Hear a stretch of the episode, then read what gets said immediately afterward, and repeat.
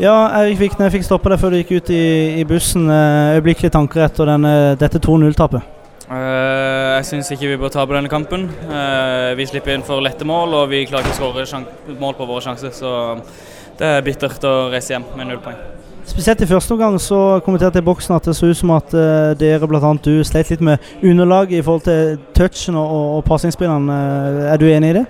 Nei, Det var ikke så mange toucher bom på den første omgangen, så sånn sett var jeg litt uenig. Men, men ja, det var litt humpete. og det er litt annerledes enn det vi er vant til, men uh, det skal ikke være noe, noe stort problem, det egentlig.